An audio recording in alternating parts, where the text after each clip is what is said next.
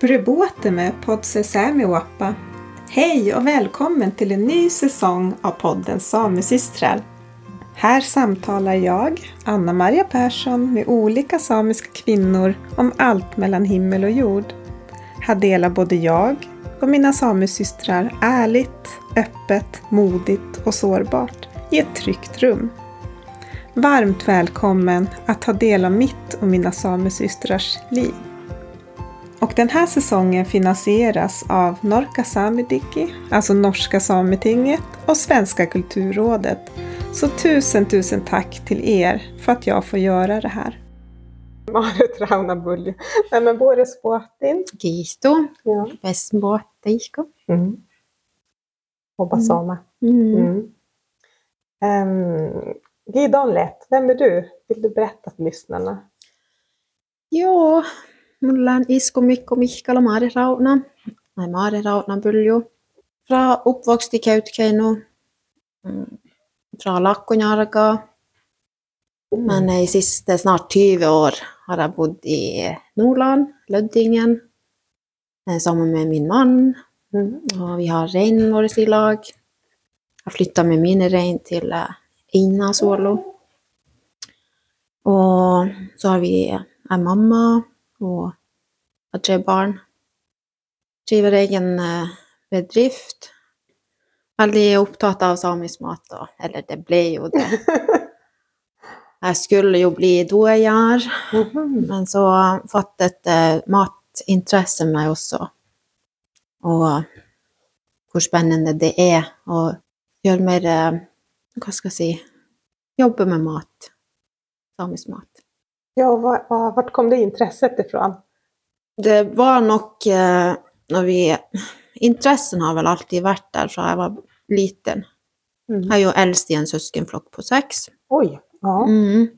Så jeg blitt, måtte lage mat tidlig til søsken og til seg sjøl og ta et ansvar. Men eh, når jeg var liten, og, og om somrene, så bodde vi jo i eh, Gavåtna, i Lakonjarga om sommeren. og så brukte jeg å ha sånn lekestue, lekekjøkken. Mm. Det var populært blant jentene i Borani. Så jeg hadde jo mitt også, og der holdt vi på med ja, laga masse sånn kaker og liksom kaker og laga liksom mat. Og, og der lærte jeg også en del om planter og, og hva de heter, og hva vi ikke må spise eller smake på. Mhm. Og hva vi kan smake, og hva de gjorde før i tida, og hva er vår mat. Og skjærte, skjærte bosk og kvann, og, Mm. og da har jeg jo blitt eh, kjent med, med hva som er spiselig på den måten, men også hadde interesse for, for å lage noe ut av det og få til. Og bærplukking har jeg jo vokst opp med, og, Mhm. og reindrift og matlaging. Mm. Så um, det er jo også hvordan vi har hatt hjemme. Ja, det er jeg nyfiken på. Mm, Ja. det var Ja, for eksempel eh, Vi tok jo vare på alt av mat fra rein. Alle delene fra rein. Vi skulle ikke kaste noe i livet Mm. av respekt for dyret. Og, og jeg husker jo jeg brukte å spørre min bestemor om voina makt, eh, reinhjerne. Hun brukte å lage brød med reinhjerne i. Mm. Og så brukte vi å spørre må vi spise den der. Mm -hmm.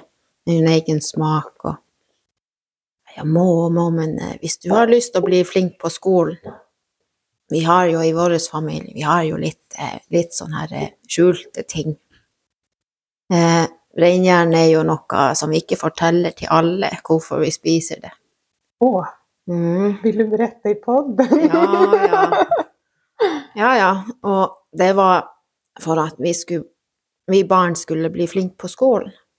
Ah. For det gir hjernen din for eh, ekstra. Var sånn i hvert fall hun forklarte oss. At du blir flink på skolen ved å spise reinhjerne og fiskehoder. Du får eh, noe i Altså gode stoffer Mm. via maten som gjør at du får en god hjerne. Og at vi burde spise det, og ja, men du er jo ferdig på skolen, brukte vi jo. Ja, men når hun begynner å bli gammel, og for å ikke bli så tidlig glømsk, så er det lurt å spise reinhjerne Mm. for å bevare god, god hukommelse lenge. Og senere har jeg jo vært veldig nysgjerrig på det. Og selvfølgelig også brukt det hjemme til mine barn og argumentere. Og, og, og spise, ta vare på fiskehoder og spise det. Eh, selv om det er litt vanskelig å spise, men hvorfor man skal spise det. Mm. Og det er jo det samme. Men også via eh, sånn, all, sånn her vitenskapelig kunnskap, og sammenligne hjerneinnhold med eksempel hjernemedisin. Og da da det blir veldig interessant, at du finner, finner stoffer Mm. som kanskje kan kobles sammen. Og da er det jo altså våre folk, de var jo ikke så dumme. Det er ikke bare lurerier. Det er ikke bare lur, det er ikke lurerier for barn, men det har innhold, og det har noe De visste. Det er jo helt Da blir man veldig fascinert. Mm. Og sånne ting har jo fascinert meg veldig til å, til å snoke mer i maten vår, eh, og spise rein som medisin. Hvilke deler er bra for hva. Og det at vi koker eh, reinkjøtt og lager liema av ulike deler. Mhm. Og i dag er det jo veldig sånn Ja, den koker vi, og veldig sånn liksom Ja, at samene bare koker og Jo, men vi har jo sett det på NRK, da. Ja, og så, og så er det jo sånn at eh, vi har de forskjellige medisinliema-buljongene. Hvilken er Hvilken eh, liema var eksempel til den som hadde nettopp født et barn? Mhm. for å komme sterkere opp i Altså bli sterkere i kroppen eh, fortere. Men, og hvilken blir er bra for eh, forkjølelse, hals, Mhm. Ja. um, huden, ja. Uh, hjernen, altså utmattelse, trøtthet og hjerte. Altså sånne ting gjør at eh, jeg, har så stor kjærlighet for maten vår når man begynner å Det har jeg vokst opp med, men også Mm. blitt liksom på en måte, måte mobba også når jeg var barn. Mhm. Eh, Har ikke dere råd til å kjøpe salami i butikken? Bare må spise tørska kjøtt på skolepålegg og Altså, det har jeg opplevd. Mm. Og det har ikke vært bra. Det er sånn man husker som barn. Noen, en enkel kommentar. Ja. Og, og, det, og, og så får du hjemmefra og så ja, men det er ikke så godt å spise svinekjøtt. Og hva det gjør med kroppen din. Og, og, og sånt. Og hva som er bra med tørs, tørska reinkjøtt. Men hva, ble- det for deg så der at du noen gang tog avstånd fra ja, f.eks. till exempel samisk mat? Det har man jo gjort, og det er jo mer, mer for, for nysgjerrighet for eh, når man, inn, når man får eh, kontroll over egen hva man spiser. Og Mm. mm, jeg husker jo en gang jeg hadde For at jeg fikk jo lov å la, med råvarer i fryseboksen hjemmefra holde på og lage litt forskjellig. Jeg husker jo en gang jeg hadde reintunger, altså liksom ganske dyre råvarer Mm. Så hadde jeg vært i butikken, og da kom jo de her eh, glassene med litt forskjellige sauser og å kjøpe fra butikken, og Uncle Benz og hva det var. Ja, just det, dem, ja. ja. ja, hadde ja, tikka masala er kanskje veldig godt til reintunger. da laga jeg det og med ost og greier og pasta, hvis jeg ikke husker rett. Så hadde jeg jo Vi var jo noen jenter som skulle spise, og det var ikke etende. Ingen klarte å spise. De prøvde for å være høflige, men ja. til slutt så sa jeg sjøl at det her går ikke an å spise. Og alle var enige. Vi måtte gi til hunden, men hunden spiste jo det heller ikke. Da skal det ikke fortelles til mamma eller pappa vår at vi har brukt opp eh, Precis. Dyre reintunger. Med noe sånt billig kraft. Ja. Ja. Og da, det var, det var liksom Den smaken skal jeg ikke borti nei, flere ganger. Nei. Mm. Mm. Og så er det jo litt eh, også en sånn utfordring hvordan gjøre reinhaug, kokt reinhaug godt.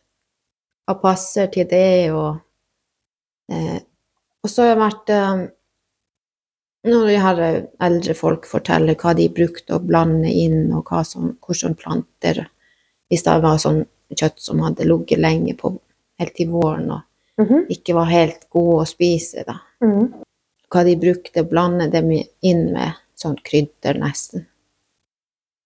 Og det har jeg jo fattet interesse for å Ja, må prøve det sjøl. Og så har jeg prøvd, og da liksom får en ny smaksopplevelse og bare wow. Mm. Her var jo Ja, hvorfor har de slutta med det? Ja, det er just... Altså, det er jo en kulinarisk opplevelse å gjøre det, gå tilbake og gjøre sånne enkle ting. Men det var det jo mer sånn de fortalte. Den gangen de ikke hadde fryseboks, så måtte de gjøre på denne måten. Og, altså fattigsliggjøre. Selve historien. Mm. Det er jo fattigsliggjøring og med sånt mm. den gangen de ikke hadde fryseboks og måtte gjøre på den måten. Ikke hadde Mm. penger å kjøpe fra butikken eller Aha, just det. Man legger fram det på Det er sånn det skam. Ja, just det. du de, eh, Våre folk har jo opplevd å få skam over seg, eller opparbeide en skam, langtidsskam, over Ja. egen matkultur. Liksom for å være, ikke være fattig. Og, og så er vi blitt fattige fordi at kunnskapen er blitt borte. Mm. Det er jo altså medisinkunnskapen, Mhm. og hvor, hvorfor spise den planten, og Mm. den delen av reinen, hva som, var, Mm. hva som er nyttig med akkurat den delen. Mm. Også med fisk og Ja. bær. Og, å forstå naturen, at den, den snakker jo til deg for å holde deg frisk. Mm. Du må bare, du, du må bare lære å, vite hvilken planter er bra for øynene, hvilken plante er bra for fordøyelsen. Og alt er der. Detoxen er der. Vi trenger ikke gå, gå, gå i butikken og kjøpe detox-tabletter for flere hundre kroner. Nei, precis. Vi har den. Det. som er, det som er tilpassa våre gener. Ja. Altså det er jo programmeringa vi har i kroppen vår. Med den maten som våre forfedre har spist, det er den som er programmeringa i kroppen vår. Og klusser vi med den, eh, så blir det jo kluss i systemet, eller datasystemet man har i kroppen. Mm. Og, og det ser vi jo i dag, eh, at samiske befolkninger har fått mye livsstilssykdommer som kanskje ikke har vært der før. Men Mm. jo, jo, en del av maten er blitt bra, men så har det kommet mye dårlig mat som gjør at vi blir syke. Ja, Mm. ja, det ser vi. Mm. Og den maten vi burde ha spist, den er blitt veldig sånn Det er ført skam over det, og fattigsliggjort over lang tid. Men også, også Man er jo blitt forfulgt også, tenker jeg da, fra veldig gammelt om heksekunst. Jo, men jeg tenkte på det også, det där. Ja, heksekunst og liksom at det var jo samer ble brenda på bål for den Ja. kunskapen. Og det er jo sånn laboratorieforskning våre folk har holdt på med, og, Ja.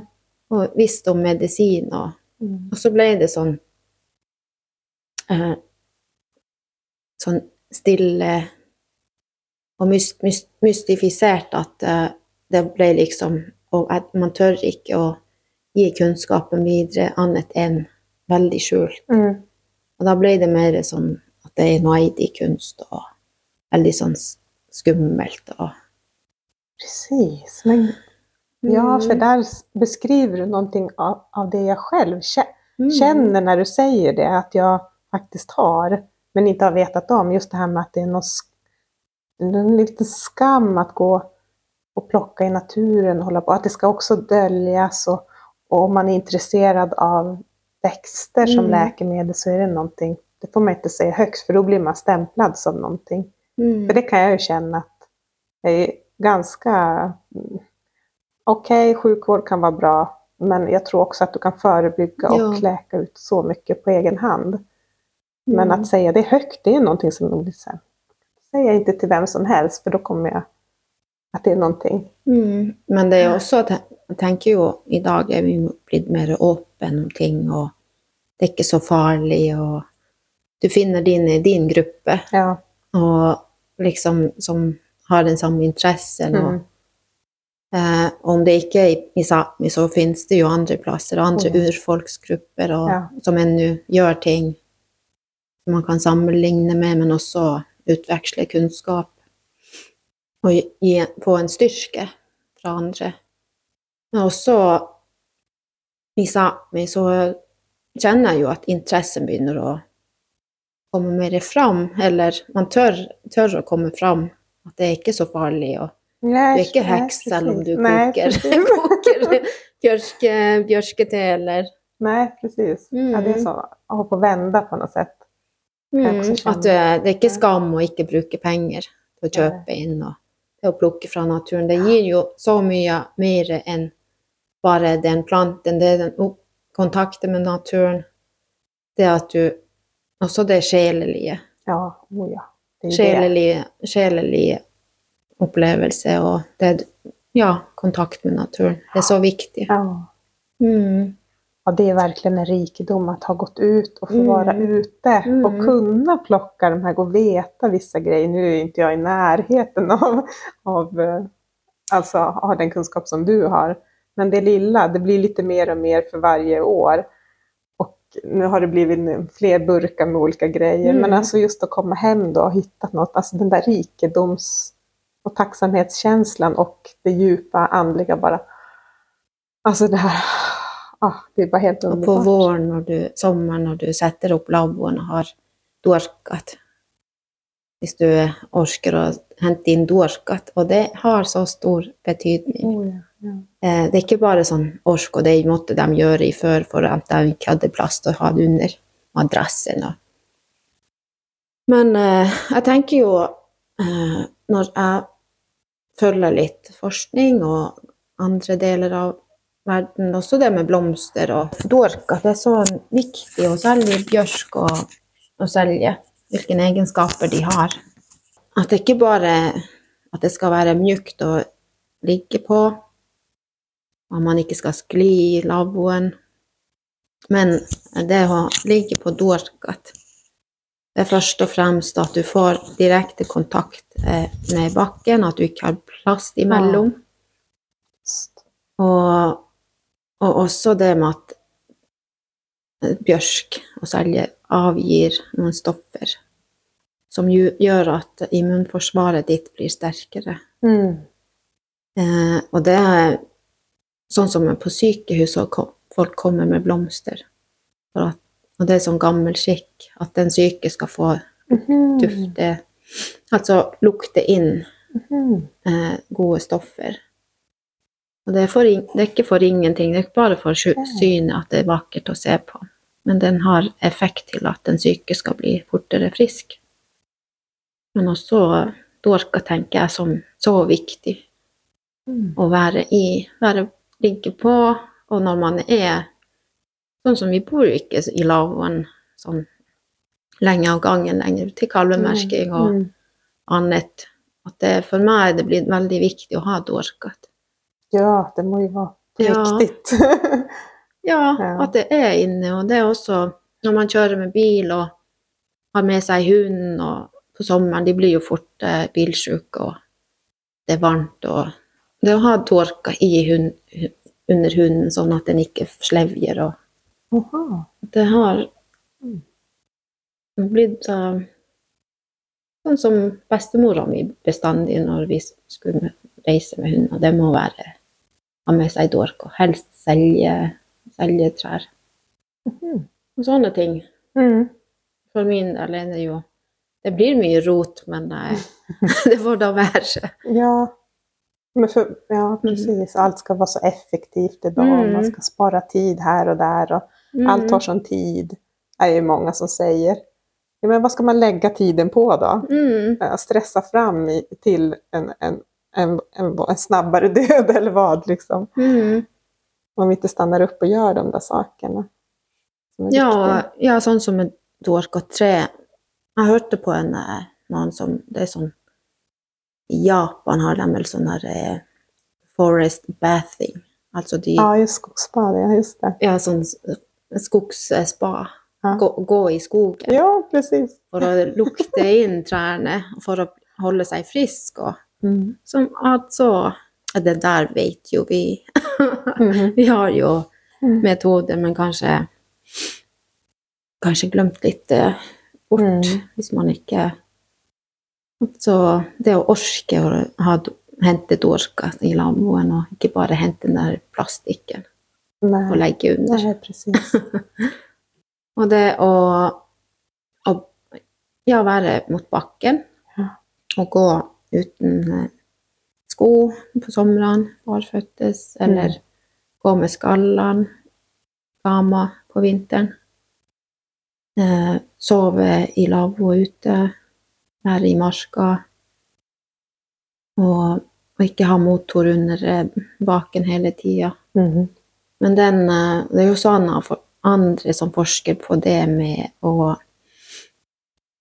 At kroppen trenger å nøytralisere seg. Mm. Og da er den jordkontakten veldig viktig. Og sånne ting eh, Da får de gamle tingene våre mer verdi. At altså helsemessig. At det Gud, hvor flinke de var. Det, ikke, Mm. det var ikke fordi at de var fattige. Eller ikke ville følge moderne så tidlig. At våre metoder er det som funker. Det er jo sånn som jeg har vokst opp med, i Mm. hvert fall. Og, eh, og lært. Men i ettertid, når jeg sjøl har fått, eh, fått barn og eget hjem og egen, eh, eget kjøkken og eh, da har det i hvert fall betydd veldig mye for meg å ta inn sånne elementer. Og, Mm. men jeg trenger også å vite hvorfor. Og så å trykke de kunnskapene til mot meg, eller ta det inn. Trykke de mot hjertet. At det er hva som gir dem verdi. Og da er det jo ja, sånn som å se til forskning og så sam kunne sammenligne og liksom Wow, de var flinke, Mm. folk. De har overlevd, og de har visst, visst mye.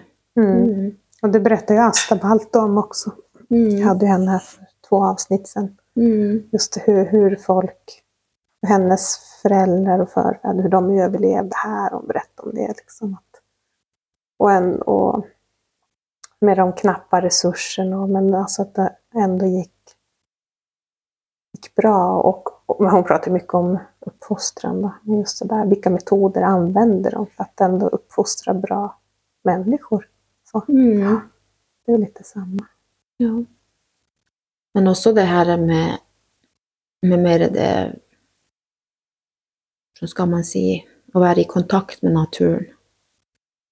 Eh, ikke bare det fysiske, men også det mentale. Men også det, det som du ikke ser. Mm. Kanskje man vil kalle det spirituelt. Og, eh, det å ha den troen. Eh, men også respekten for dyrene. Vi har ikke det her pyramidesystemet at mennesket er øverst. Vi har i sirkulær, altså sirkel. Det du gir ut med den ene handa, det mottar du med den andre.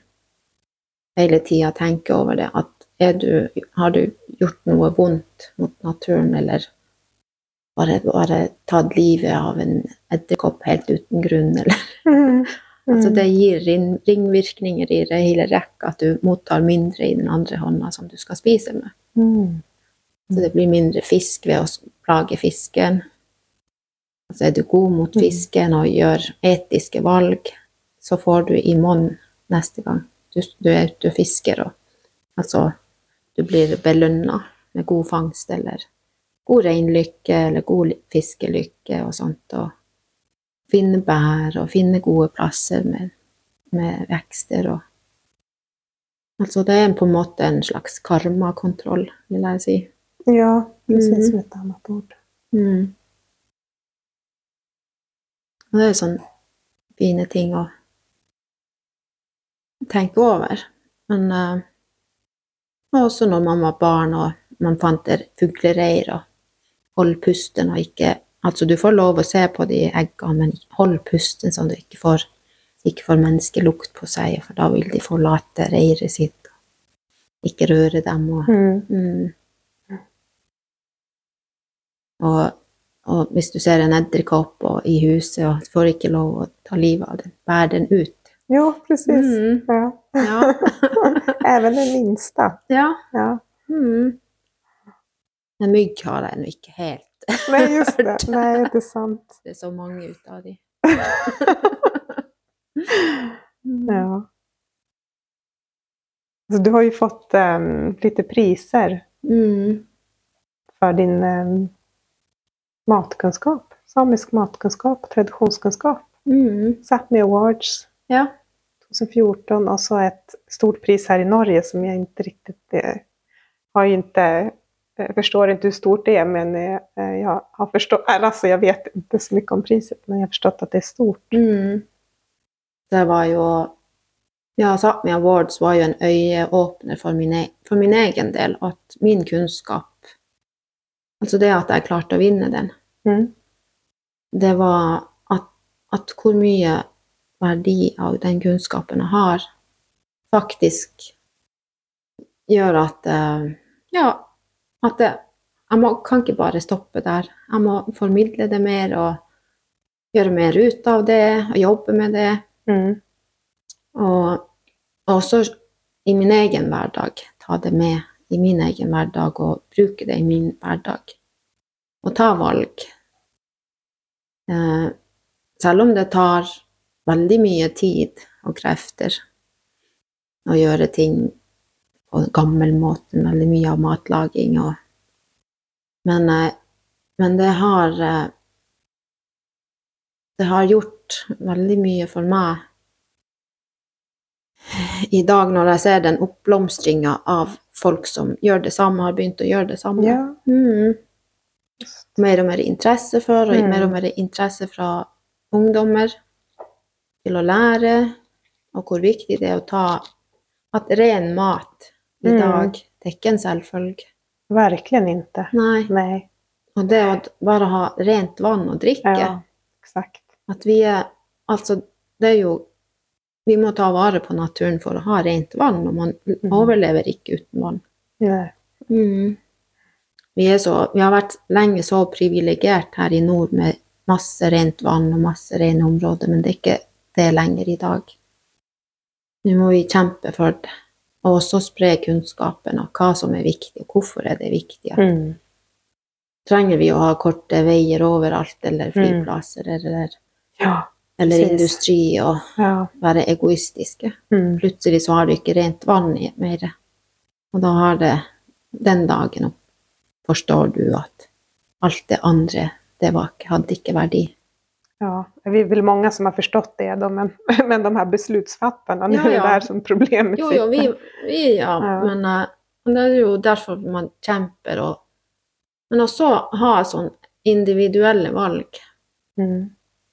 som gjør at det skaper Du skaper bølger. Ja, jag tänker också ringa på Mm. vattnet. Mm. Även om det kan kännas så här pluttigt i min lilla vardag att göra vissa grejer. Mm. Man kan ju inte inte göra det heller för att, ja. Ja, jag vet inte. Vi lever ju i en tid med, med det är ju ganska tufft då, Mm. att vara same också. Mm. Och min förra gäst, eh, Elle Rauno, hon sa ju det att, att hålla på dodjot, att det är ett politiskt Mm. arbete liksom, Mm. på ett sätt. Att hela tiden vara poli politisk i det, vårt liv, levnadssätt. Det är ju tufft och som alla rättighetskamper och, och sen har vi klimatkris och det är ju väldigt, det är mycket att bära då. Och går du med kofta, så er du demonstrant, eller Ja. og har samiske symboler på deg, så er du ute og demonstrerer och liksom Ja. Når ble det? Ja, altså. exakt. Mm. Det är jättemycket. Men også det med ja, hverdagen. Når alt er så lett tilgjengelig i butikken, og, og da, ta de her valgene. Og gi, gi verdi tyngde. Det er ikke så lett. Mm. Jeg bor jo i et eh, område hvor majoriteten er samiske. Nei, norske. Mm. Da blir du veldig synlig med det Mm. samiske, og mer sånn Det må være noe veldig samisk, og sånn hverdagslige ting. Du må bestandig passe på, eller ikke passe på, men altså det du gjør og ikke legger vekt på. Men så er det alltid noen som har observert at det var noe veldig merkelig, og Ja. så må du tenke over det flere ganger. Og ja, men det her er jo så vanlig for oss, men det er ikke for alle. Nei. Mm. Og særlig når jeg serverer mat og har gjort det i forskjellige sammenhenger og liksom Noen er kjemperedd for hva jeg har putta oppi. Og det jeg legger ut på sosiale medier, sånn som Instagram også, der Ja. legger jeg ut litt sånn der eh, rar mat og mattradisjoner og Ja. Hva kan det være? Vil du berette om noe som er Ja, reinhjerne, for eksempel. Ja. Reinhjernebrød. Ja. Eh, reinballer. Blod. Ja. Eh, koke reinhorn. Tarmer og ja, Ja. og sånne ting. Og litt, litt sånne her eh, metoder også. Eh, gamle metoder som jeg syns er kjempespennende. Ja, for du har gjort en del eh, coola eh, grejer her har jeg sett. Jo, jo, det er jo det. Jeg gjør det litt med glimt i øyet også, at jeg ikke syns å gjør, ta litt plass. Mm. Mm. Eh, Det er ikke så farlig. Og så er så ufarlig å gjøre det. Ja. Mm. Men det är väl också att människor inte är van idag. Alltså det har ju hänt någonting. Man tänker bara, men nej, väl även inom det samiska att, att det blir, det är ju som du säger, det är lätt att gå till butiken och köpa eh, maten där istället för att hämta i naturen och Mm. fiska och allt så. Ja. Jeg har jo hatt min matreise nå, en av de største, vil jeg si, Mm. Eh, i høst. Eh, jeg har brukt eh, tre år på en rein, Simble. Og i år, i år fikk hun kalv i vår, og da fikk jeg jo tenkt at hvis den overlever til høsten, så skal jeg melke den. Mm. Og det gjorde det, og, og jeg fikk melka den Mm. begynte å melke simla. Men jeg har jo ikke lært det når jeg var liten. Nej. Mm. Og min, mine foreldre de har bare opplevd når de var små. ok Mm. Siste reinmelka Siste gang bestemor melka, så var jo mamma tolv år. Mhm. Eh, Det er fortsatt, det her er fortsatt veldig sårt å snakke om. Mm. Men eh, det er liksom noe som jeg har savna. Jeg kjenner på mye den kunnskapen jeg har mista. Det kjenner jeg veldig på. Og da, når jeg har gjort det nå i sommer, det har vært en mental reise. Det har vært eh, tårer i form av sorg. Ja. Det har vært tårer i form av glede og kjærlighet til rein. Mm. Jeg har lært så mye. Mm. Og den reinen eh, Åh, det har vært eh, Hun har krangla med meg eh, for at jeg ikke kan. og jeg har vært trist for at jeg ikke kan. Og så har det vært stor glede når jeg får det til. Og jeg, har prøvd, jeg har lest om reinmelking. Jeg har eh, ringt gamle som har opplevd. Og jeg har også snakket med bønder med andre dyr om Mhm. melking.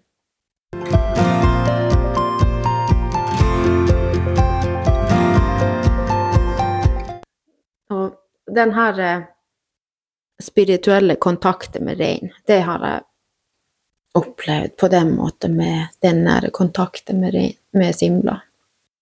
At, og d- leser hun i blikket dag for dag.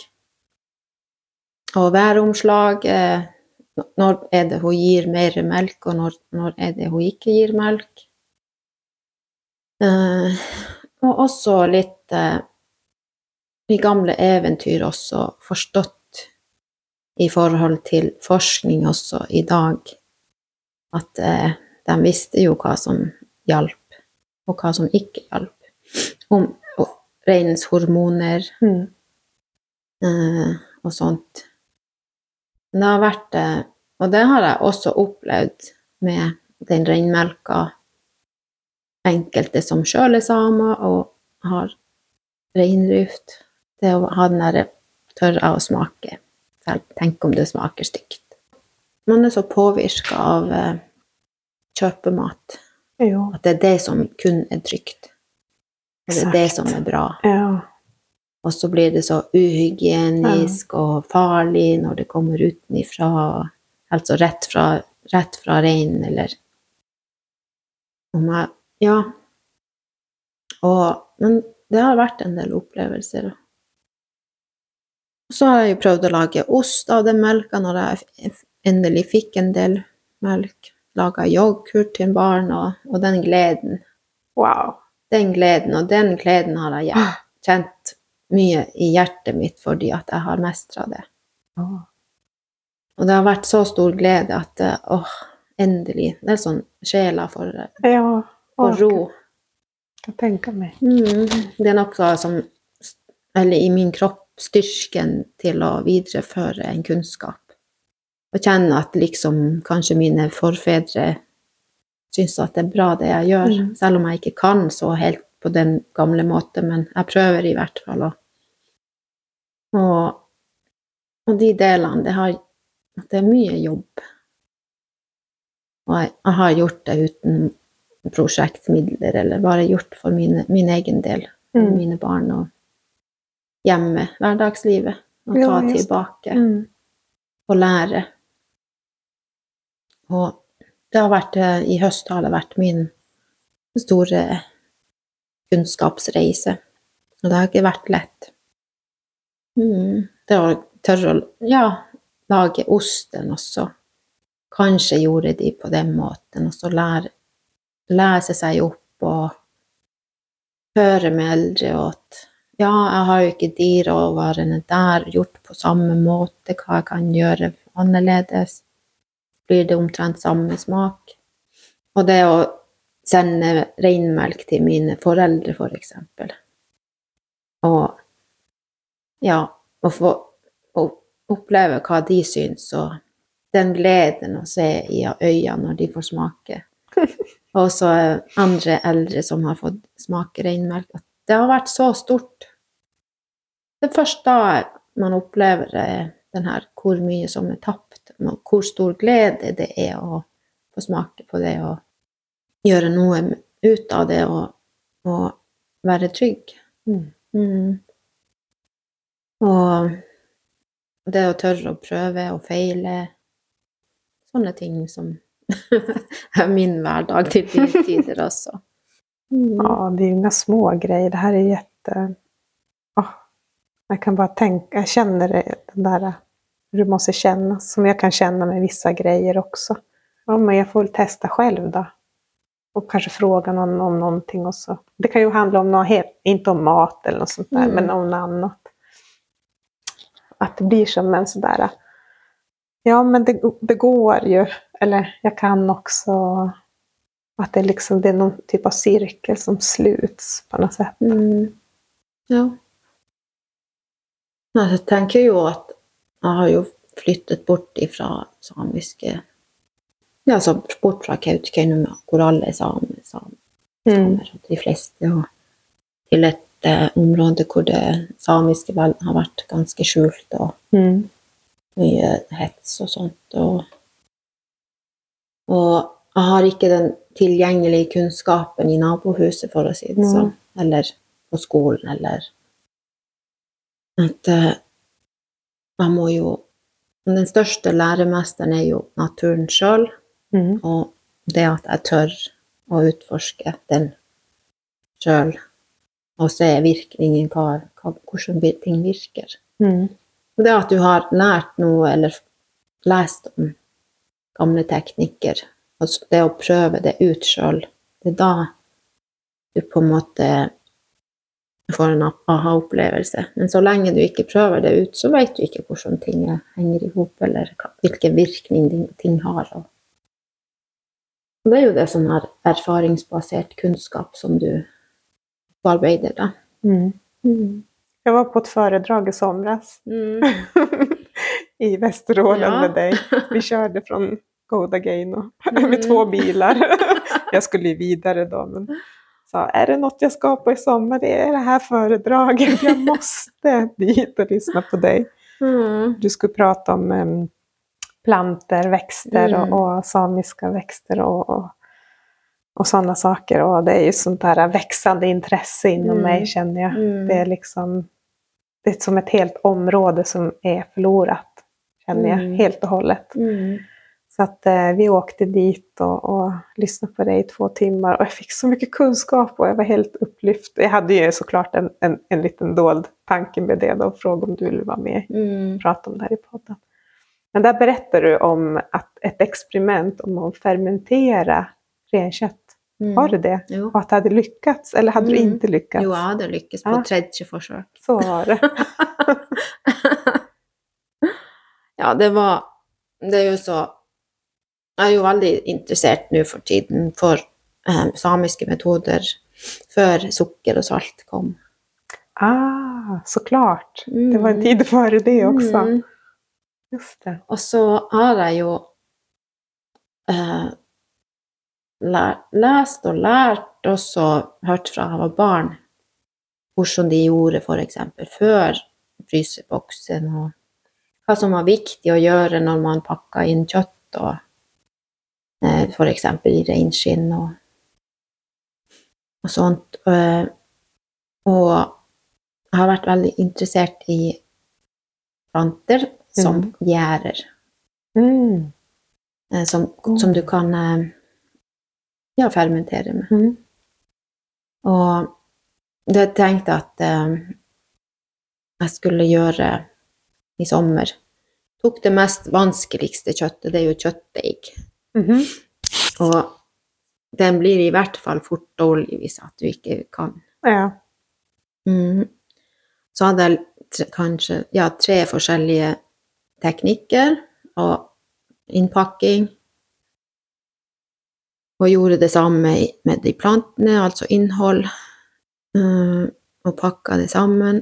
Og så for vi til fjells på kalvemerking. Og lot de, jeg lot dem stå i, på kjøkkenet i varmen.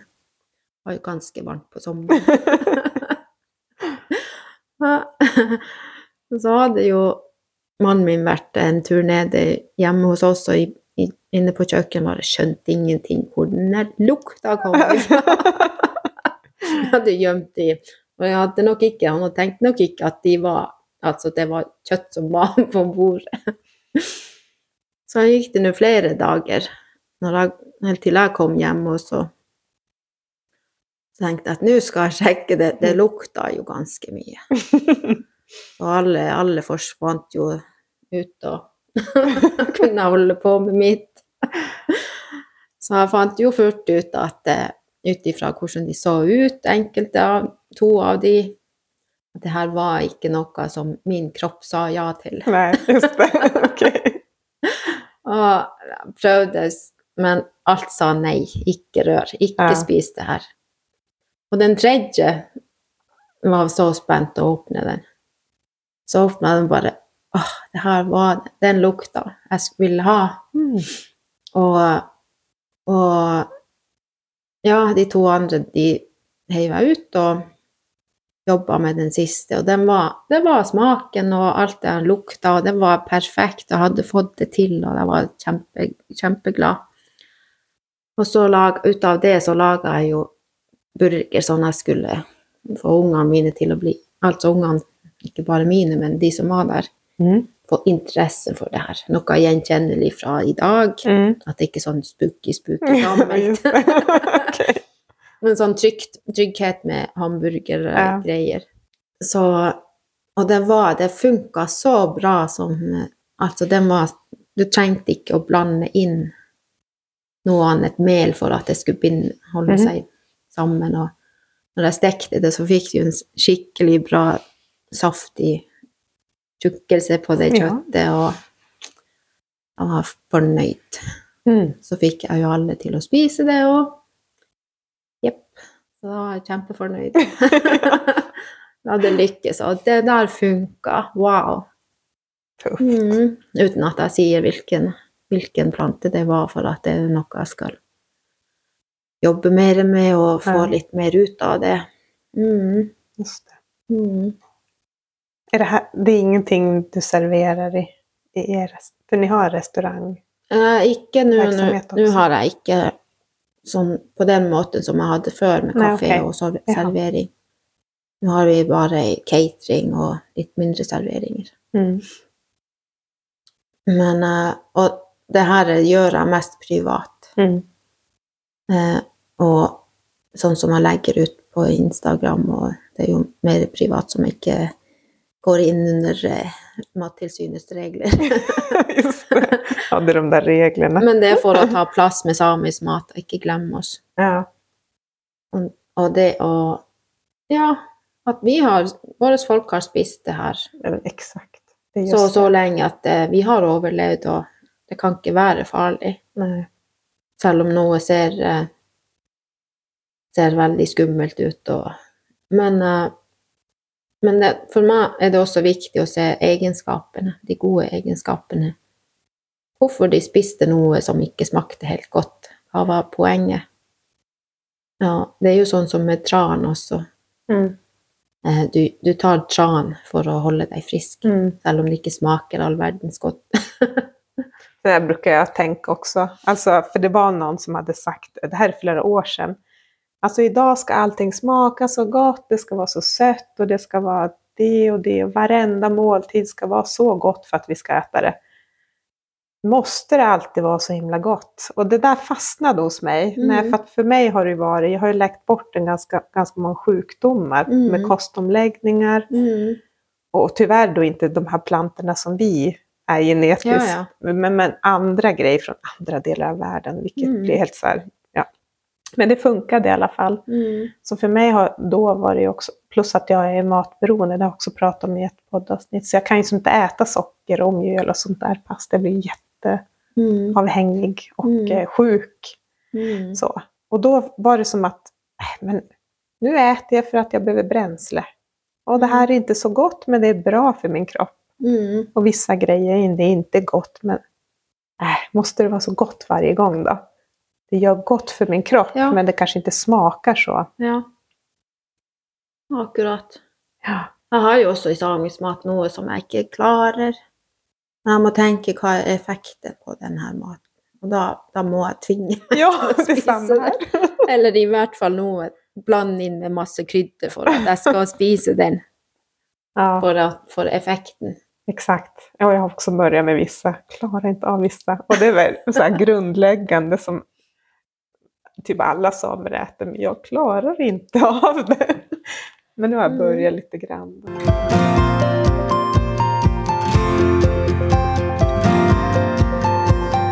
De tok og salta eh, multer i tønner. Ja. Og så lot det stå. Og det å skjønne salt og multer sammen, den der effekten, ja, det er klart det. Det må jo bli, bli det. Og, og så lar du det stå. Jeg bruker å la det stå en del uker, og så smaker det. Åh, det er så godt. Wow. Mm. Og da har jeg jo kommet meg bort ifra det sukkeret. Mm. Sukkerbehovet. Jeg trenger ikke ha det sukkeret i multene. For at de ikke skal Altså, det skal konserveres. Mm. Men multene kan sjøl konservere seg sjøl. Mm. Og det med salt, det kan være fra gammelt av sjøvann, kanskje. Mhm. Uten at det er sånn direkte salt. Mm. Og også andre planter som de har brukt til konservering. Det, det blir min store interesse nå for tiden. Og det å kom, kutte sukker fra maten Ikke Altså, du trenger ikke ha sukker for å konservere mat. Eh, man er jo man, er, man har jo blitt veldig sånn avhengig av å ha sukker for å konservere. Ja, presis. Mm. Tyttebær og Mm. Men det har jeg lagt bort, og så trent meg på de her eh, teknikkene for å slippe å ha sukker. Og selvfølgelig for å ja, historien bak, bak sukker, hvordan kom den hit, og da vil du i hvert fall ikke ha sukker lenger. Nej. Och alla negativa effekter också av socker. Det är ju framforskat Mm. både en och hundra gånger känns det som. ja, og mel også. Ja. Det har vært en streng, stor politikk til å innføre mel Ja, etter krigen, og at folk skulle spise seg sånn at de kom til hekten igjen, og som politikk også for å selge mer mel, og mm. har jeg skjønt og oppfattet. Og, og det er også, vi er jo blitt veldig glad i brød og mat i, i samiske miljøer. Mm. Det å klare å kutte det også ned på, og i hvert fall kvitt sånn fint mel, Mm. få det bort og alternativt og eh, Men også forstå bruken av det de brukte før som Det står jo ofte at det var som erstatning for mel, Ja. for de hadde så lite. Just det. Hadde de lite? Ja. Eller hur? De har jo kunnet det her. Og for å tilføre karbohydrater til maten, hva, gjorde de? Tilføre C-vitamin til maten. Hvilke planter og brukte de? Ja. Og effekten av de og, Mm. og sånt. Og det er jo kjempeinteressant. Mm. Ja, det er rikt, riktig mat, det kjenner jeg. Det blir man frisk av. Jo, På tanken på det. Ja. men det er også den her eh, Når man har opplevd den fattigsliggjøringen av maten vår. Liksom hvetemel, det var rikmannsmelet. Sukker, har du sukker til maten, så har du kjøpt det og Mm, brukt mm. penger. Det var Mm. liksom rikmanns Rikmanns Og diabetes var, var kongelige som hadde, som spiste mye Mm. god mat. Og da, det var, diabetes var rik, rikmanns sykdom Mm. før i tiden. Mm. Oi. Er det sant? Altså, man, Ja. altså, det var jo sett på, det, på, det, på den måten. Mm.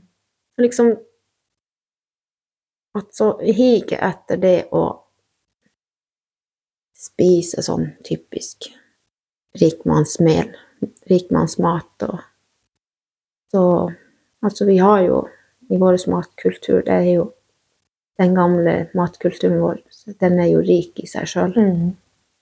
masse gode ressurser og mat.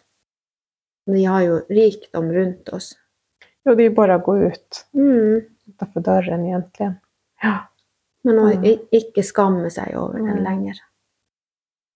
Det er lov å spise sånn Spise mindre og litt sånn Det som er ment for våre kropper. Mm. Hva kan være enklest å begynne med for den som lyssnar og blir nyfiken? Multer uten sukker. ja, ut og plukke. Ut og plukke multer. Men kanskje å hente noen bjørkekvister ute og Ja. koke te ut av dem. Så nå på vinteren er bjørkeknopper. Aha, på vintern också? Mm. De her små Mm. bjørkeknoppene kan man jo koke og lage te ut av. Smaker godt. Det er litt beskt, men nå på Mm. vinteren. Hva er det bra for?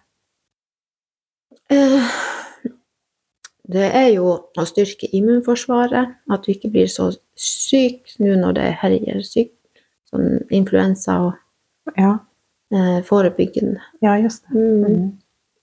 Mm. Og på våren når eh, Når eh, Ja, når det begynner å komme litt eh, mer olje ut i knoppene, og det kommer ut litt bjørkeløv, og, Mm. og så skerrer de, da. Eh, før var det jo sånn at ungene skulle spise det, og da var det jo at de skulle få den barnemarken ut av magen. Mhm. At det, at Ja.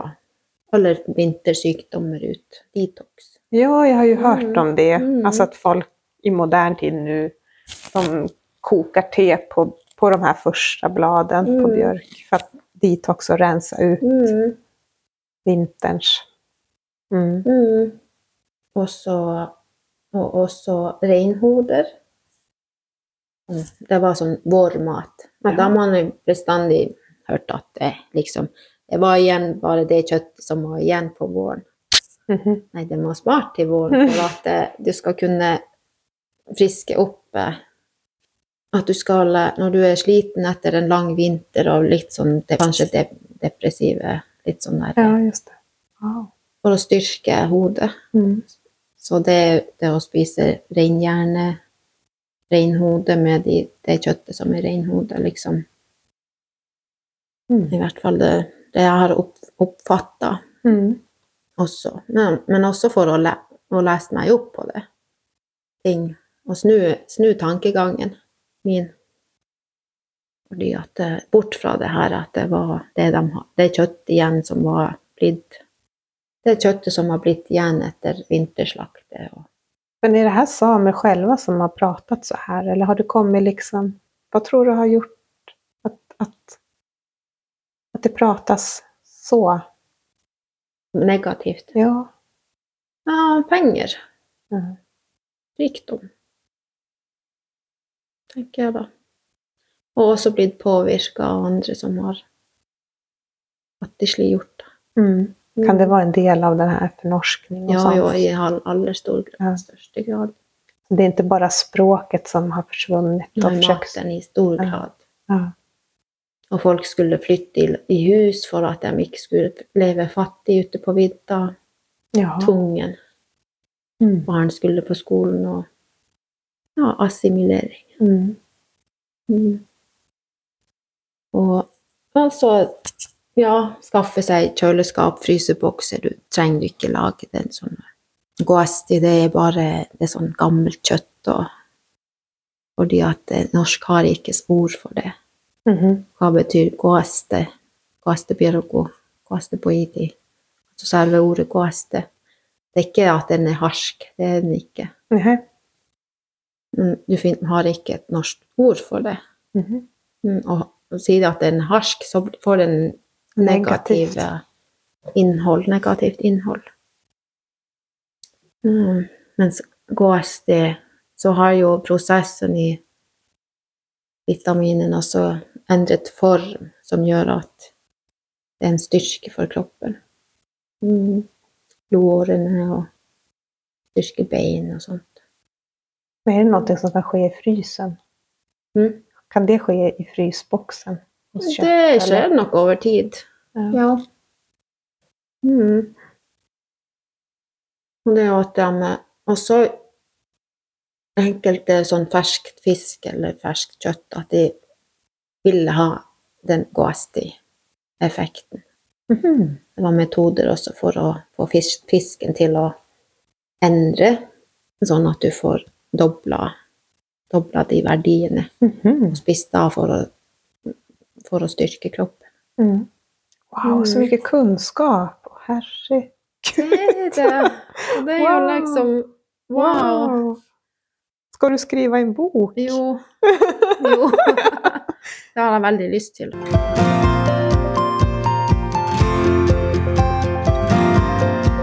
Men hur, för nu när du kom så berättade du att du har serverat mat åt kronprinsen. Alltså vad serverar du och hur mottas? Är det, är det järn och sådana där häftiga maträtter eller vad, vad klarar kronprinsen av att äta? Eller alltså, är det, vad, vad Ja, det, serveras? er jo, det er jo matvarer som jeg har lov å servere, da. Jaha, just ja, det är det där Råvaror också. och... Mm. Hjärnan är inte lov.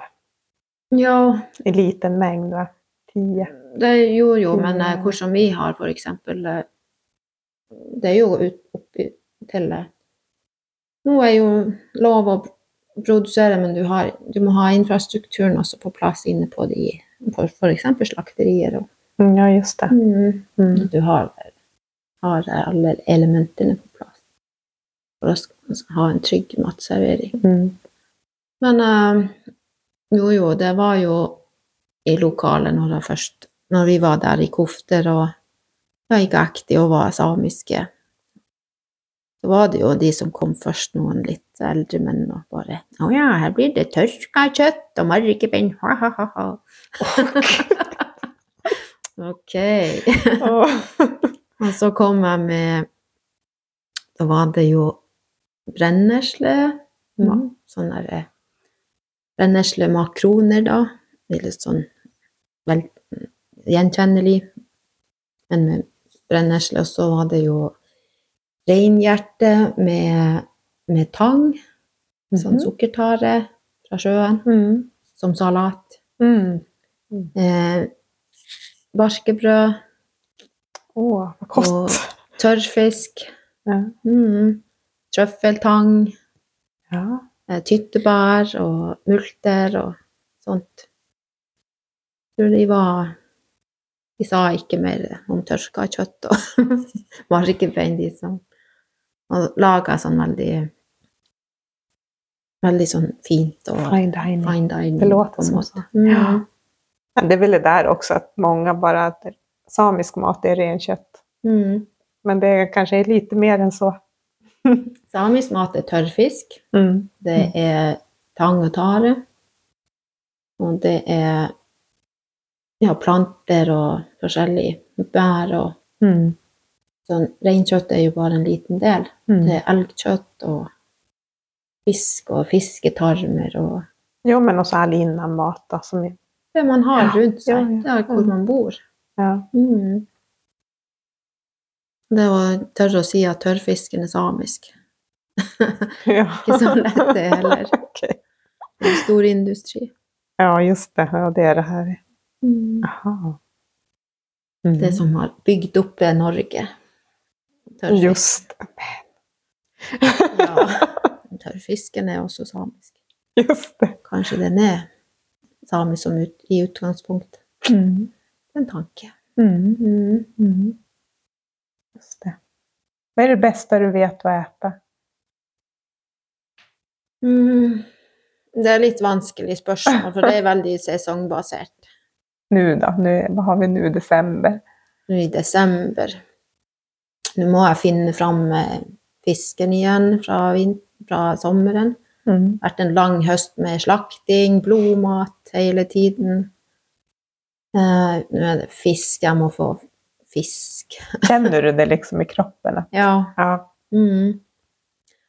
Og så er det jo mat ifra trær, bjørk og sånn her hengelav. -hmm. Og litt sånn her eh, gravings. Åh. Mm. På det. Multer må jeg finne, lat, lataga må jeg finne, finne fram mat. Men det er jo også blod, særlig blod. Men jeg er også det fra sommeren, at da man må spise det som, det som man har sanka inn i sommer. Ja. For at man begynner å, nå å dabbe av i det mørke tida, og du, trenger, du kjenner at du trenger en del vitaminer Just det. av den og den sorten. Vad bra at du påminner meg, for jeg har litt lite i frysen som jeg tenkte at å, jeg måtte ha det der. Ja, sånn som nå har jeg nu kjent är det på ju Jeg jättetungt och måtte mörkt. Sopp. Det må, det må Jeg fikk sånn der Nå må jeg spise sopp. Og, men det er jo også Når jeg var barn, så fikk jeg, har jeg jo ikke lært å ete sopp. Nei. For at det skal reinen ha. Just det, ja Mm. er Det samme i Chichi også. Mm. Det er renes renens eh, mat. Ja, Mm. og så har jeg flyttet eh, lenger sør, og veldig mange som plukker sopp. Og eh, kanskje jeg også det er lurt å gjøre det, men så var det bare Ja, jeg, jeg kan plukke det som rein ikke spiser. Noe sånt som kantareller. Reina den, jo, den blir jo så tidlig frossen at når hvis reinen får den i halsen, så kan den jo få problemer, fordi det er som frossen sopp. Ja. Mm. Jeg har jo studert at eh, reinen går forbi den her kantarellen. Ok, da kan jeg spise den. Eh, og så er det jo Ja, sopp har jo uh, D-vitamin, Jo, presis. som man trenger nå når Mm. sola er borte. Mm. Mm. Så det har jeg nå begynt å plukke sjøl, da. Mm. Men ikke de der soppsortene som rein er veldig glad i. Og margebein. Det er også sånn der må ha. Mhm. Mhm. Ja, det är en sån där grej som jag börjar. jeg Jag må äta en i alla fall, men jag har problem Mm. med den. Men den är så, det kan ju inte finnas något nyttigare fett än den. Eller kanske hjärnan då, det vet jag inte. Men det är nog det jag har hört att Mm. det fettet där er märg. Det är, Mm. Jo, Det er det er jo det som lager blodet. Når jeg var liten, jeg husker jo Jeg var vel åtte år, kanskje mer. Da har jeg og venninna mi, eller tanta mi, hun er jo venninna mi også, to år eldre enn meg. Jeg hadde vært ute og leka, og så kommer vi inn, og bestefar har kokt en hel gryte med margebein. Og litt kjøtt. Og kommer vi inn og bare Har dere lyst til å høre en hemmelighet? Ja, hva er det? For hver margebein du spiser, så blir du en eier av en ny rein. Jeg skal i hvert fall spise mye. Mange. Okay. Så begynte vi, og, og han likte jo så godt det der. Barn som spiser margebein. Begynte å klyve margebein til oss, og vi spiste. Mhm. Spiste mørs med kjøtt, og Mm. man skal ikke bare spise den uten noe tilbehør. Spiste først med kjøtt, og så ble jo kjøttet Vi ble fri for kjøtt. Prøv med ketsjup, da. Brød og Jeg husker jeg spiste ti Jeg klarte Oi. å spise ti stykker. Da var ti nye rein. Det blir bra. Ja. Men det tenkte ikke jeg på dagen etter når jeg var helt kjempesyk. Det är så bare, kraftig, va? Ja, det var Ja. så kraftig at Mm. alt bare måtte ut. Mm. Og etter det Jeg klarte ikke å spise reinmarg igjen. Ok. Æsj da. jo, jo, men Mm. Og så, når vi hadde reinmarg hjemme, og så jeg, skal, jeg kan spise de som er helt så mager, sånn svart marg inni. Det var min mat. Det kunne mm. jeg spise. Og hvis det var noen rein som var sånn mager. Og ja, det var Og lenge. Helt til jeg fikk eh, egne barn. Det var en prosess i kroppen, endra kroppen. Etter at jeg fikk barn, så, så klarte jeg å spise reinmark igjen. Mm. Sånn feit margbein. Og nå eh, Altså, det er jo så godt og så bra for kroppen. Mm. Mm. Ja. Man klarer ikke så, så mange, da. Men jeg er nå en annen. Mm. Mm. Ja. Jeg har hørt om det. Jeg har opplevd folk som spiser for mye fett. Mm. Så da. Sånt fett. Att de liksom, ja jag vet inte, det händer något i kroppen. Det kan bli lite far, farligt, vet jag inte. Men Kroppen sier jo sjøl ifra at nå er det for mye, liksom. Ja. Ja. Mm. Men eh, så lenge du ikke tilfører sukker også samtidig, Mhm. går det jo bra. det. Det er jo det sukkeret som er farlig, som Ja. man bør unngå.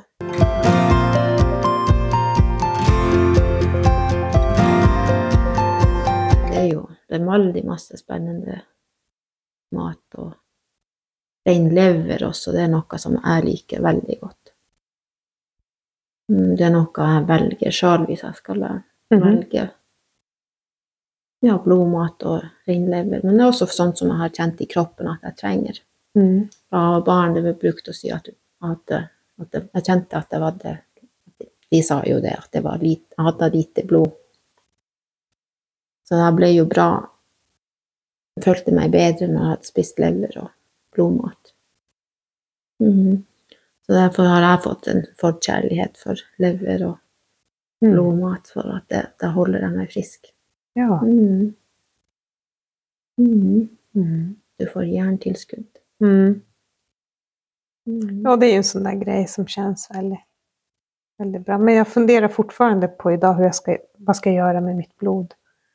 Eftersom jeg ikke äter mjøl og grejer. Mhm. Jeg har, jeg har lyst til å lage sånn der diettplan, samisk diettplan. Ja.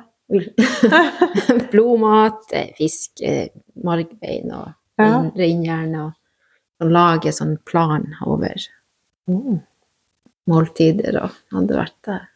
Litt sånn, men også for å dekolonisere hodet til å tenke. Og ta tilbake. Ta tilbake, ja. Mm. ja.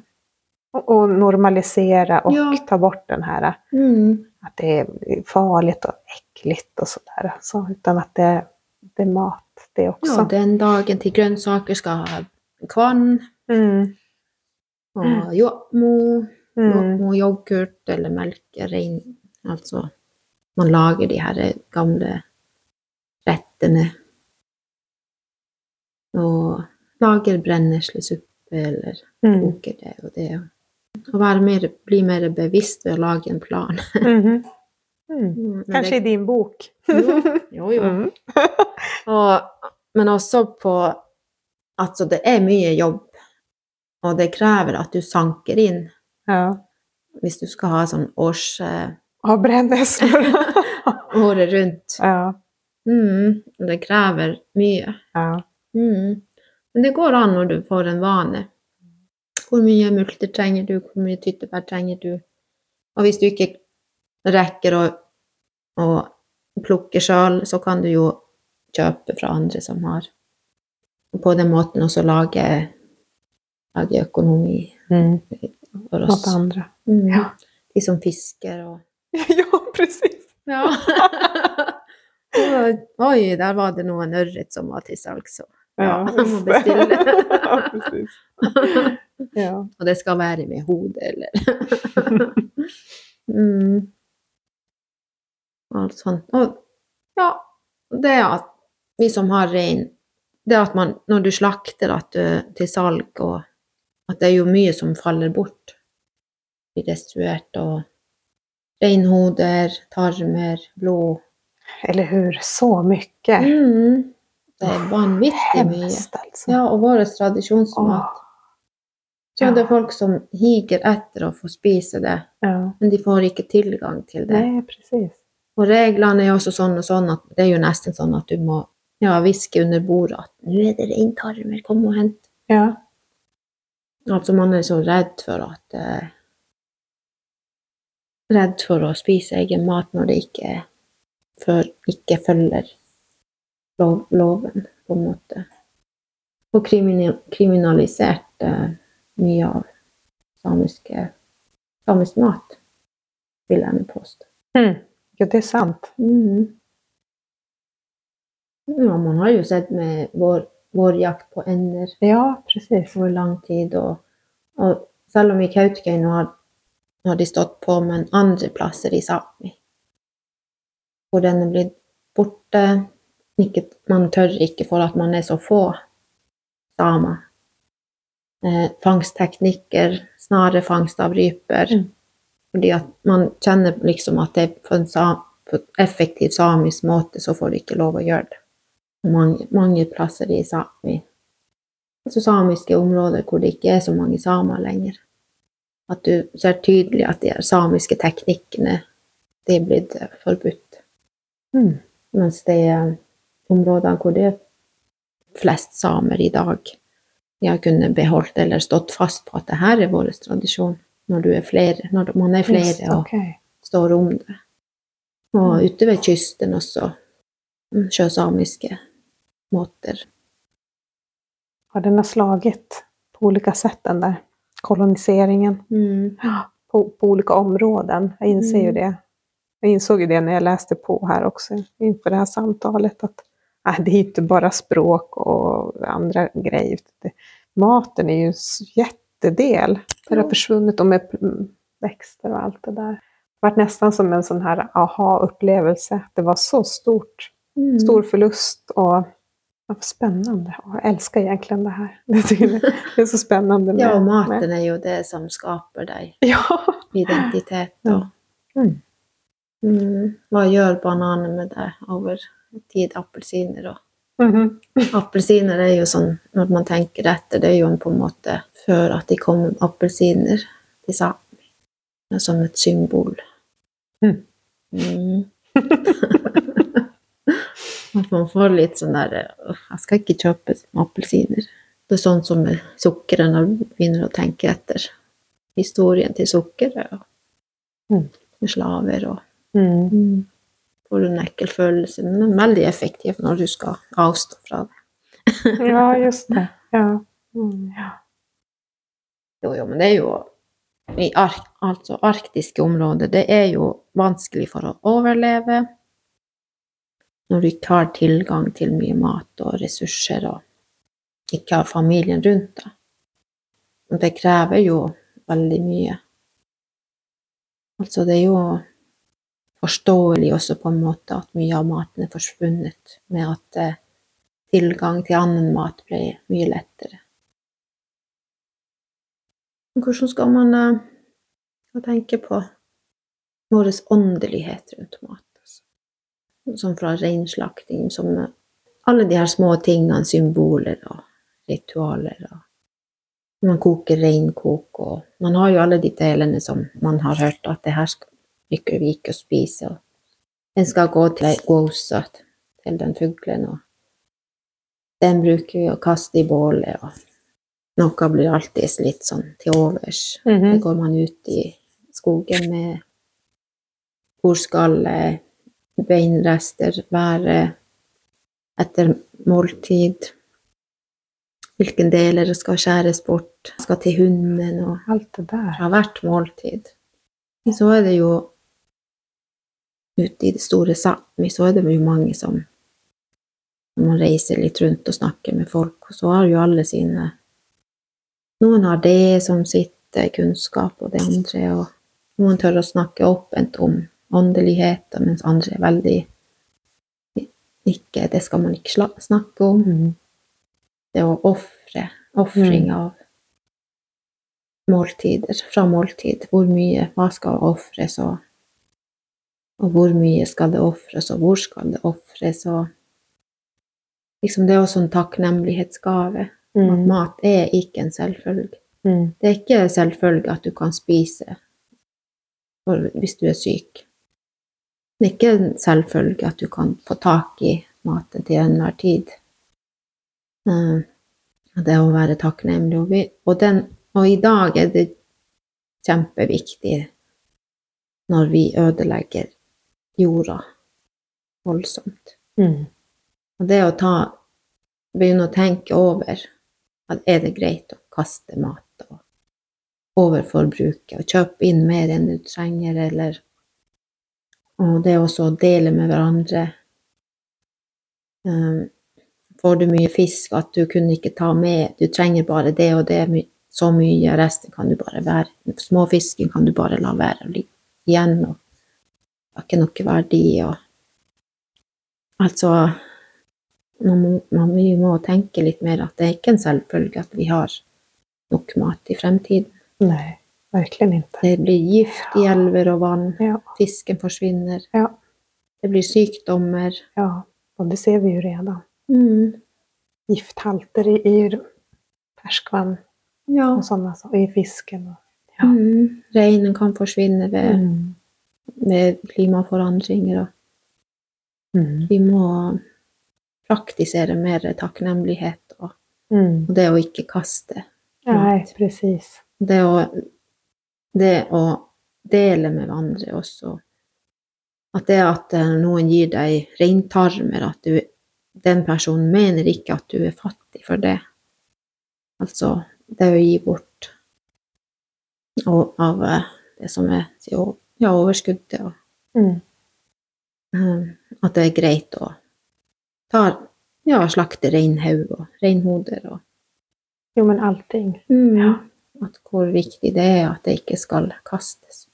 Ja, Reinblod og ja. mm. Nej, det känns inte bra. Man ser hur det går till och inte ta allt. Nu gör ju inte jag det då, men det, ja. Ja, Det all den maten du kjøper i butikken, alt er pakka inn i plast, ja, exakt. for eksempel. Mm. Mm.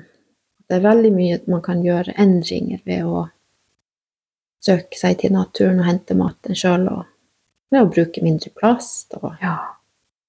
mm. ja, men å plocka de der grønnsakene Mm. ute istället. Mm. växer ju ut. Det är ju bara att man, vi behöver vänja oss vid det. Ja, alt er jo dyrka. Ja, det finns ju jättemycket som är som... Jag åt någonting i somras. Ja, det smakar ju ananas, en liten växt. Mm. Supergott. Jaha, Mm. ananas. Och vi, när jag var, vi bodde i Tromsö så var jag plocka någonting. Det smakade det var som en gurka det. Ja, Mm. gud vad gott. Att det Ja. inte är så konstigt. Ja. Ja, spenat, men brännässlor, Mm. järja, jag vet inte vad det är. Tört. Turt. Den är ju också jättegod. Ja. Och de här rallarros, vad heter den då? Det är som sparris. Den här första som kommer som blir så här jätterosa. Geitrams. Ja, just det. Mm. Ja, men det är ju... Och det är ju bara, man må ju skynda sig. Ja, ja. Den kan du ju inte ta senere. senare. lager en vane. Ja, Mm. Og tørre å lage mat også som ikke har en oppskrift. Mm. Mm. Og vi i nord vi har jo veldig lite av de her gift, giftige plantene. Er, ja, de er jo markert med stallo i navnet. stallo sarri, at det er jo ja. firblad. Mm. Mm, Stallo Bosca, den er jo kjempefarlig da. Mm. At man kan nok av navn. Mm. Og sånne medisinplanter. Gojarasi, det er jo ikke så velsmakende. Men det finnes andre, andre dia I andre samiske dialekter så har det et penere navn. Kanskje du kan bruke den istedenfor. Mens eh, Gojarasi den forteller jo direkte at den kan du bruke mot urinveisinfeksjoner. Mm. Mm. Selv om ikke er så delikat i navnet. Det er mye spennende stedsnavn også. Det forteller jo veldig mye om maten, hvor det finnes, og ting, hvor ting vokser. Og Mhm. Også hvis ja, områder hvor det er rikelig med mat, de er ofte markert med sånne eh, menneskelige navn. Kvinnefjell og mannsfjell. Mellom dem to så er det rikelig, frodig med mat. Eller reinen trives å være der. Spännande. Så nu kan alla lyssnare de kan börja titta i sin omgivning. Jeg håper det. Ja. Men det er jo sånne ting jeg nerder på. Syns Öppna når er ögonen. Och när snön är borta, ja inte bara då, men för nästa sommar och vår när det börjar Mm. spira och frodas ut i naturen och på sommaren. Ja, ja. Ja. Men, og så er det jo veldig lett i dag, og når man har veldig mye på Man kan jo google. ja, det er sant. Har du Mm. ikke eldre Mm. folk som kan forklare deg? Altså, du kan jo gå halvveis ved at det er andre som har skrevet ned. Eh, så kan du bruke det, Mm. og så lære deg sjøl opp hva som er trygt og Ja. mm. ja, det finns jättemånga fina böcker idag. Mm. Det, Ja, det är många som plockar ja. i Og på den måten så lærer du også om innhold og Ja. hva som er giftig, og hva som ikke Mm. er giftig, og gir en trygghet.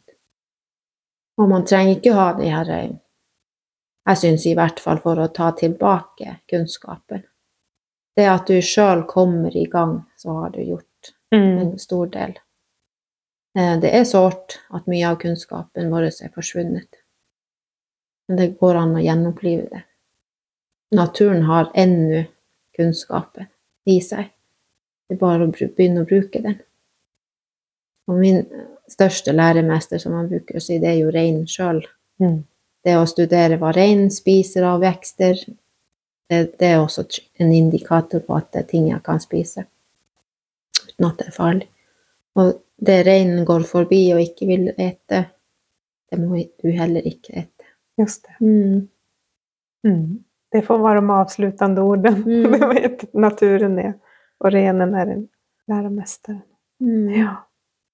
Ologi då. Ja, det är det. Om du gillade det här avsnittet, ge mig fem stjärnor eller ett hjärta beroende på vart du lyssnar på poddar. Det skulle göra mig jätte, jätteglad. Så tusen tack på förhand.